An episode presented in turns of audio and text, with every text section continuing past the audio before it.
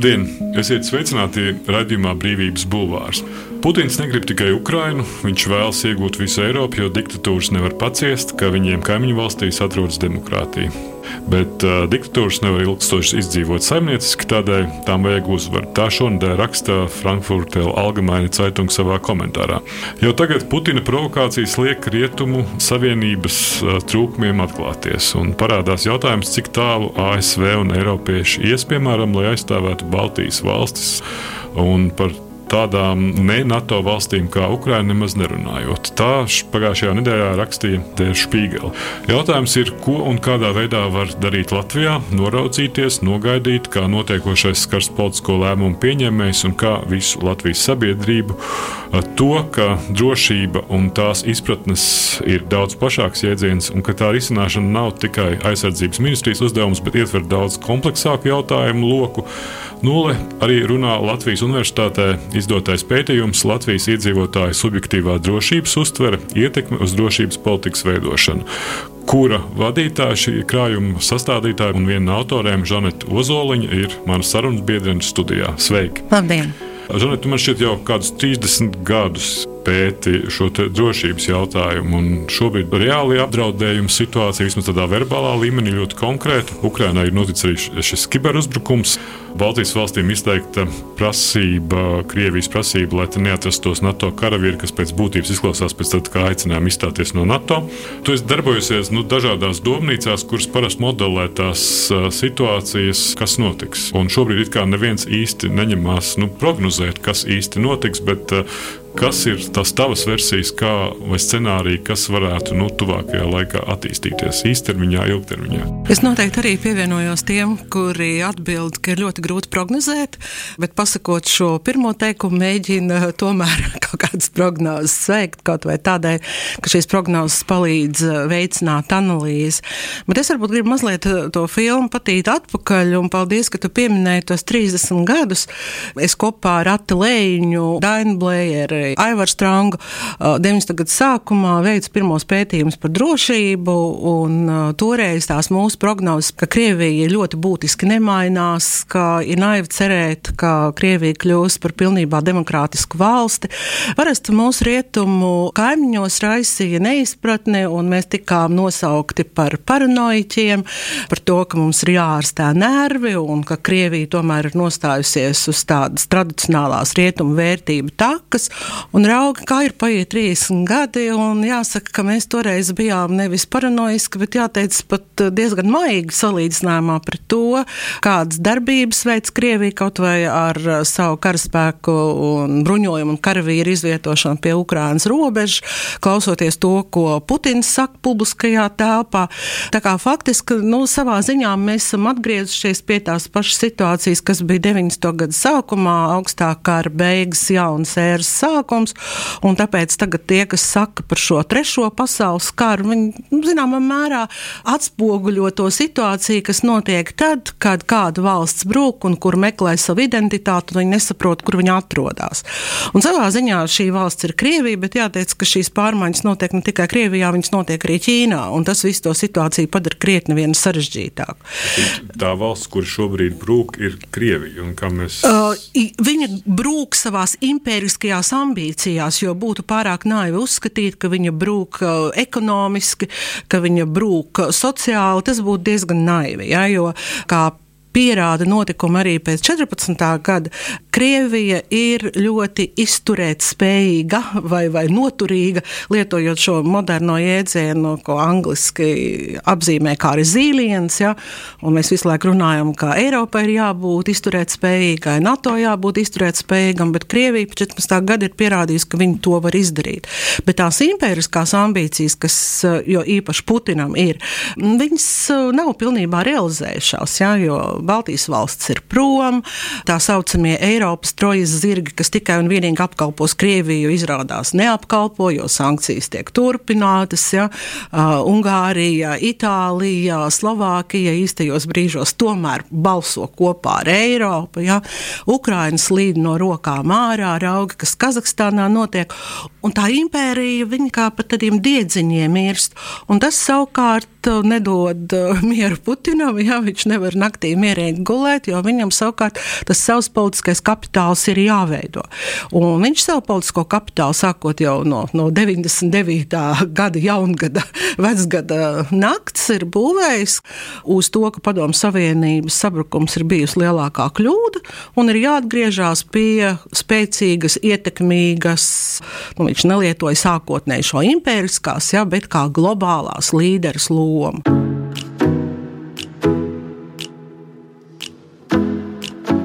Radījums Brīvības Bulvārs sarunā ar Latvijas Universitātes politikas zinātnes profesori Žanetu Ozoliņu. Klausījos Medūzas portālā radio raidījumu viņa grāmatu bazārs, kur krievu kino kritiķis Antons Doļins apsprieda, kādēļ Krievijā pēdējos gados nav attīstījies spiegu filmu žanrs, ka pēc būtības 17 pavasara mirkļi ar Štirlicu ir viena no spilgtākām un pēdējām versijām. Un tā viņa versija bija, ka, nu, ka īsti nav skaidrs ienaidnieks, ar ko cīnīties Krievu auditorijai domātajās filmās, jo pēc augstā kara rietumi bija Krievijas partners, un Krievijas skatītājiem, viņuprāt, pietika ar aktieru Danielu Kreigu, jo viņi tādā veidā paši sev to Kreigu nedaudz identificēja Džeimsa uh, Bonda lomā ar Putinu, kurš arī ir izbijis spiegs. Ko tavuprāt īsti nozīmē nu, Krievijai būvēt rietumus, tā skaitā Baltijas valstis, nu, šo ienaidnieku tā prots iedzīvināt to pašu augstā kara retoriku, cik lielā mērā tas strādā? Tas strādā diezgan labi faktiski šī ienaidnieka tēla veidošana jau nekad nav apstājusies.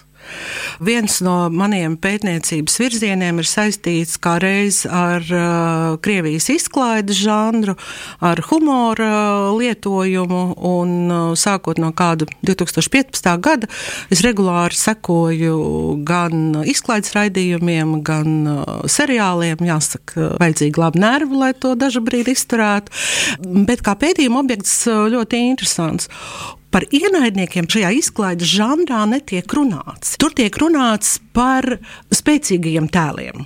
Un tie spēcīgie tēli pēdējo vismaz 7, 8 gadu laikā, ja mēs skatāmies īpaši uz tādu nu, vēsturisko izklaides, nu, nosacītu izklaides žanru, tad tur vienmēr ir sliktie policisti, miliči, tur ir sliktie partijas nomenklatūras cilvēki, bet situāciju parasti atrasina kāds, kas atnāk no Čekas ja? Vai no valsts drošības komitejas. Viņam ir resursi, spēks, vērtības, lai uzliktu to pareizo punktu zīmi. Un tas ienaidnieka tēls tā īpaši netiek kultivēts. Ja? Bet, ja mēs kaut vai atceramies to pašu izcilo ASV diplomātu Kenans, kurš savulaik ir arī dzīvojis Rīgā. Un viņš savā slavenajā rakstā X, telegramma X, ļoti precīzi ziņo par to, kāda ir Krievijas ārpolitikas būtība. Un Krievijas ārpolitikas būtība ir kā reiz šī ārējā tēla konstruēšana, kura atvairīšanai, novēršanai, atturēšanai ir jāstiprina iekšējā politiskā vara, kurai ir nepieciešama saliedēta sabiedrība. Un tas arī izskaidro to, kāpēc Putins tik ļoti šobrīd arī kultivē ienaidnieku NATO, ASV, Ukrainu, Baltijas valstis, jo tas sociālais atbalsts viņam vairs nav tik liels, kāds tas bija desmit gadus atpakaļ. Ja? Tomēr gan Navaļnī gadījums ir uh, apšaubījis Krievijas viņa radītās sistēmas spēju un varenību. Tāpat uh, mēs varam ņemt vēl un vēl dažādas situācijas, kaut vai nemierus Krievijā pēc uh, pēdējām uh, Putina, nevis prezidenta vēlēšanām. Ja? Un šis sabiedrības jautājums viņam neliek mieru.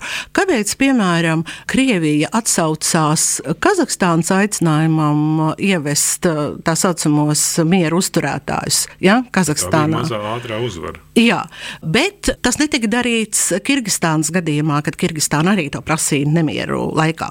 Un tas skaidrojums ir tāds, ka desmit gadus atpakaļ tā sabiedrība bija diezgan konsolidēta ap Putinu. Savukārt šobrīd viņam ir šaubas, un tāpēc viņš nevar atļauties kaut ko tādu, kas notiek Kazahstānā, arī Krievijā. Tāpēc ir tā ātrā uzvara, ātri uh, situācija atrisina. Arī, piemēram, visu laiku Krievijas televīzijā tika lietots jēdziens teroristi.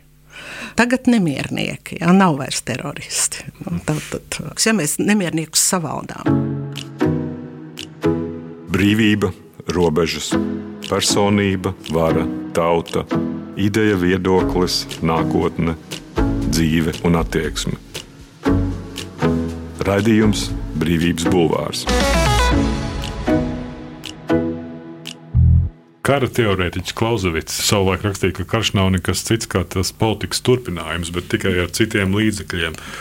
Kādā ziņā šī situācija nav nekas jauns, jo tu jau minēji šo Krimas aneksiju 2014. gadā, ir pagājuši nu, astoņi gadi, kuros bija iespējams jau izdarīt secinājumus gan par Krievijas ārpolitikas mērķiem, un ko šajos gados varēja saprast gan rietumi, gan arī Latvija iekšpolitiski, tā skaitā nu, drošības kontekstā. Jo nu, ir jau versijas, ka tas trešais pasaules karš sākās pirms astoņiem gadiem. Es tiešām neatceros, kurš īsti gads tas bija. Man šķiet, ka vai tik ne astotais, nu, jebkurā gadījumā krietni laiciņu atpakaļ, kad iznāca Edvarda Lukas grāmata par jauno augsto karu. Jā. Un viņš, starp citu, bija pirmais tas, kas kā reiz, nu labi, bija jaunais augstais karš, bet principā tas formulējums jau vilka uz to trešo pasaules karu. Ja? Bet, eh, lai neradītu varbūt pārpratumus, tiešām būtu vērts Nu, kad vēl nedaudz pieminēt to, kā mūsu dienās uh, tiek traktēts pats jēdziens karš, jo Klausēvits gadījumā bija skaidrs, ir skaidrs ienaidnieks, ja, skaidrs tas, kurš ir apdraudēts, ir armija, ir uh, komandas struktūra, ir valsts līderis, kas dod komandu veikt vienu vai otru darbību. Šodien jau par karu mēs vairs nedomājam tādās klasiskās terminoloģijās, kur ir skaidri novilktas valsts valstu robežas, armiju darbības robežas, kur skaidri ir redzami četri vai pieci bruņoto spēku flangi vai vienības, pareizāk sakot, gaisa, zeme, ūdens, ja, izlūkošana. Šodien tā situācija ir kļuvusi ļoti tāda izplūdus, un Septiet Klauzēvits arī runātos par tiem, kas var uzvarēt karā, viņš arī saka, ka uzvar tas, ja, kuru neredz, un kurš to ienaidnieku vēro no malas. Un kaut kas līdzīgs arī šodien notiek šajā kara laukā, ja, vai bieži vien angļu valodā to sauc par kara teātri, un tas kara teātris šobrīd ir bez robežām, bez ļoti tādām strikti noteiktām darbības funkcijām, uzdevumiem, jo tu jau īsti nezini, ko nākamajā brīdī sagaidīt. Un tas, kas notika Grūzijā 8. gadā, savā ziņā jau bija tas hibrīda kara, nu tāds diezgan diezgan skaļš pieteikums, bet viņš gan neizdevās. Jo tādēļ, ka uh, Krievijai pretīm stāvēja ļoti skaļais, ļoti brašais Sakašvili, kuram tajā brīdī tās emocijas un viņa tā psiholoģiskā konstrukcija ļoti labi nostrādāja viņam par labu. Sacēla lielu troksni, visu padarīja publisku, visu starptautisko. Es paskatījos Merkele un, un Sarkozī brauc. Viņš šajā hibrīda karā uzvarēja. Un tādēļ arī faktiski tas karš bija salīdzināms no šīs. Mēs runājam par šīm septiņām, astoņām dienām. Un to starp citu, Krievi ne jau uzreiz, bet pēc kāda laika arī atzina, ka tas bija Grāsima do doktrīnas nu, pirmais eksperiments, pamēģināt, kā tas strādā. Uh, viņi mācījās no savām kļūdām. Un, uh, protams, skaļi to nepaužot, glīti izmēģināja 2014. gadā Ukrainā, kur tas attiecīgi nostrādāja. Ja?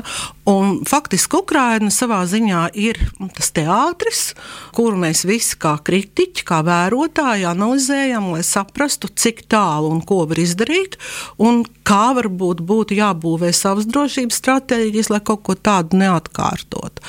Bet nu, tās mācības, protams, ir, ir ļoti sāpīgas, un nu, tā ieskriešanās un gatavošanās iespējamam hibrīdu uzbrukumam notiek samērā, es negribētu teikt, ka lēni, bet nepietiekami pietiekami ātri, raugoties uz to, kā savukārt savu spējas attīst Krievija. Vai mēs varam parisināt arī tādu hipotētisku situāciju, nu, ja Latvija nebūtu NATO dalība valsts? Kāds tad būtu tas mūsu liktenis salīdzinoši nu, tajā ģeopolitiskajā telpā šobrīd? Es domāju, mēs būtu tādi kā Moldova. Mēs būtu Moldovas situācijā. Tas nozīmē, ka ekonomiski vāja, iekšēju politisku konfliktu plosīta, ļoti izdevīga Krievijai, lai šī varētu ar tranzītu, ar ostām, lai uzpirktu politisko eliti un turētu Latviju iesaldētu tieši šādā stāvoklī. Radījums Brīvības Bulvārs sarunā ar Latvijas Universitātes politikas zinātnes profesori Žanetu Ozoliņu. New York Times šonadēļ Maskavas biroja žurnālists izvirza tādu hipotēzi, ka nav arī nu, skaidra līdz galam rīcība, kāda būtu NATO sabiedroto rīcība, ja uz spēles būtu likta Baltija. Un arvien biežāk parādās nu, šis jautājums pēdējā laikā par šo piekto pantu. Vai tas tiktu darbināts, un ja tas netiktu darbināts, kādas tad būtu sekas pašam NATO? Nu jā, es jau varu, protams, tikai spekulēt par šo jautājumu, jo vesela virkne atbilžu noteikti ir atrodamas slepenajos dokumentos, kurus pilnīgi uh, normālu apsvērumu dēļ neviens arī uh, neliks galdā. Bet ir uh, vairāki apsvērumi, kas tomēr um, liek uh, justies vismaz stabili, ja ne pilnībā droši drošs, ir tas, ka neviena no NATO dalību valstīm nav apšaubījusi piekto pantu. Tātad neviena valsts nav pateikusi, ka, ziniet, viss ir labi ar to NATO, bet piektā panta gadījumā nu, mēs tomēr nē. Piemēram, Lisabonas līgumā, kas savukārt nosaka Eiropas Savienības darbību, tur tas formulējums ir tāds, ka valsts var, piemēram, arī nepiedalīties ārēju uzbrukumu atvairīšanā, ja kāda Eiropas Savienības valstī šāds uzbrukums tiek veikts. Tātad piektais paragrāfs darbojās. Ja? Otra iepriecinošā ziņa ir tā, ka NATO kopš 2014. gada katru pusgadu pieņem lēmumus, gan politiskus, gan arī militārus, lai stiprinātu NATO austrumu flanga aizsargāt spēju. Nu, tas attiecās uz mums. Tāpat arī NATO ir diezgan skaļi pateicis jau vairāk kārt, ka ir šie aizsardzības plāni. Tās bāžas, kāpēc viņas pastāv, ja? viņas nepastāv tāpēc, ka nu, mēs sakām, neuzbruks. Bet problēmas ir kā reiz tajā apstākļā, ka Krievijas iespējamais uzbrukums viņš nebūtu Klausēvits garā, ja, bet viņš būtu nu, tiešām jau šo jauno kara darbības formu veidā. Tas, ko mēs saucam arī par hibrīdu karu, kur tiktu izmantotas militārās tehnoloģijas, modernās, ja, tas pats mākslīgais intelekts, tur var tikt pielietotas kaut kādas inovācijas, tur varētu tikt izmantotas arī šīs dezinformācijas vai informācija operācijas psiholoģiskās operācijas, nemieru izraisīšana un tā tālāk. Ja? Tātad šis ir tas um, nu, lielais nezināmais, ka tu nezini īsti kā, ja uzbrukums būs, kādā veidā viņš ir izpaudīsies, kā viņš izskatīsies. Ja? Nu, redz, no drošības politikas viedokļa mm, parasti ir tā, ka mēs skatāmies uz draudiem, tad saka tā, ka ir, ir jāvēro nu, tās divas dimensijas. Viena ir spējas, un spējas Krievijai noteikti ir. Viņai ir gan šīs militārās spējas, gan arī hibrīda kara spējas. Un tie, kas saka, ka nu, Krievija militārā ziņā ir vāja, viņiem nav gluži taisnība. Ja? Krievija arī nesnauž. Ne? Un tad ir tā otra dimensija tie ir nolūki. Ja? Vai ir tā apņemšanās kaut ko darīt vai nē. Un šobrīd ir tas, ka tā apņemšanās varētu arī būt. Viņa nav skaidri pausta, bet viņa varētu būt. Un tas arī padara nu, rietumu sabiedrotos tādus nervozus. Vai tie draudi, kuri ir nozīmīgi iedzīvotājiem, tiek apzināti un identificēti kā draudi arī rīcību politikas veidošanas līmenī, ministrijās un iestādēs. Šādas pieejas izvēle balstījās uz iepriekš veikto pētījumu par cilvēku drošību un sabiedrības drošību kopš 2002. gada, kad pētnieki vairāk kārtīgi aicināja pievērst uzmanību individu un valsts ciešas sasaistes nepieciešamībai, jo krīzes vai pat vardarbīga konflikta gadījumā bez sabiedrības atbalsta un iesaistes, kas balstīti drošības politikas izpratnē, nav iespējama operatīva un sekmīga rīcība apdraudējuma novēršanā. Tā Latvijas Universitātē izdotais pētījums Latvijas iedzīvotāju subjektīvā drošības uztvere, ietekme uz drošības politikas veidošanu, kuras viena no autoriem ir Žaneta Ozoliņa. Kāda ir tā situācija, cik šobrīd nu, Latvija ir sagatavota šādiem ģeopolitiskiem vai militāriem izaicinājumiem, nu, cita veida kara situācijā? Es varētu teikt tā situācija noteikti ir labāka nekā viņa bija 2014. gadā, tad, kad hibrīda uzbrukums tika veikts pret Ukrajinu. Noteikti ir labāk.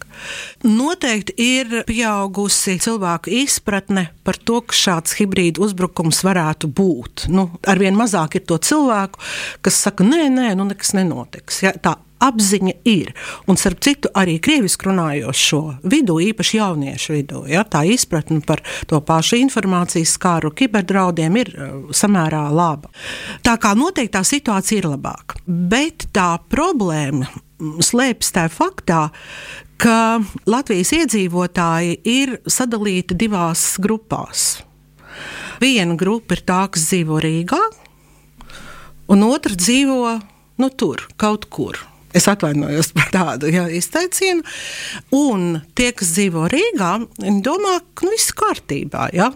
Mums pilns notiek mācības, jā, pie mums slimnīca ir sagatavotas, jā, pie mums policijas zina, kā rīkoties, valsts ugunsdzēsības un glābšanas dienas zina, ko darīt. Bet ir vēl tāda otra, manuprāt, diezgan signalizējoša sarkano lampiņu degoša tendence, ir tā, ka vēl līdz šim pietiekami nav iesaistīts pašvaldības šīs x stundas risināšanā. Mūsdienās ik viena rīcība politikas veidošana ir saistīta ar visa plašā apdraudējuma spektra apzināšanu un ietekmes uz sabiedrību prognozēšanu. Šajā daudzveidīgajā un sarežģītajā situācijā sabiedrība ir viens no nozīmīgākajiem partneriem eksistējošo un potenciālo draudu novēršanā. Tad šie draudi un riski sabiedrībā tiek atšķirīgi uztverti un prioritizēti. Daļā individu izraisa bailes, citos dusmas, vēl citos neusticību politikas veidotājiem un to pieņemtajiem lēmumiem un rīcību politikām. Tā universitātes pētījumā par Latvijas iedzīvotāju subjektīvo drošības uztveri un ietekmi uz drošības politikas veidošanu. Radījums Brīvības Bulvāris studijā Latvijas Universitātes politikas zinātnes profesora Žaneta Ozoliņa. Tas bija viens no uzdevumiem, un mēs secinājām, ka tā situācija var būt ļoti dažāda. Respektīvi, mēs sākumā noskaidrojām, ko domā attiecīgās pašvaldībās iedzīvotāji, un pēc tam mēs aptaujājām pašvaldību cilvēkus. Un tad mēs skatījāmies, vai viņu skatījums uz apdraudējumu un risinājumiem, nu, teiksim, ka simtprocentīgi sakrīt, bet viņš, vai viņš rezonē vai nē. Un tad bija pašvaldības, kur tik tiešām saskanēja šie viedokļi. Ja, bet bet bija arī neatkarīgi, vai mēs runājam par Latviju vai neatkarīgi. par ne. Rietumu Latviju. Nē, neatkarīgi. Jāsaka, ka šis pētījums sākās vēl 18. gadā, un tad tā situācija bija atšķirīga.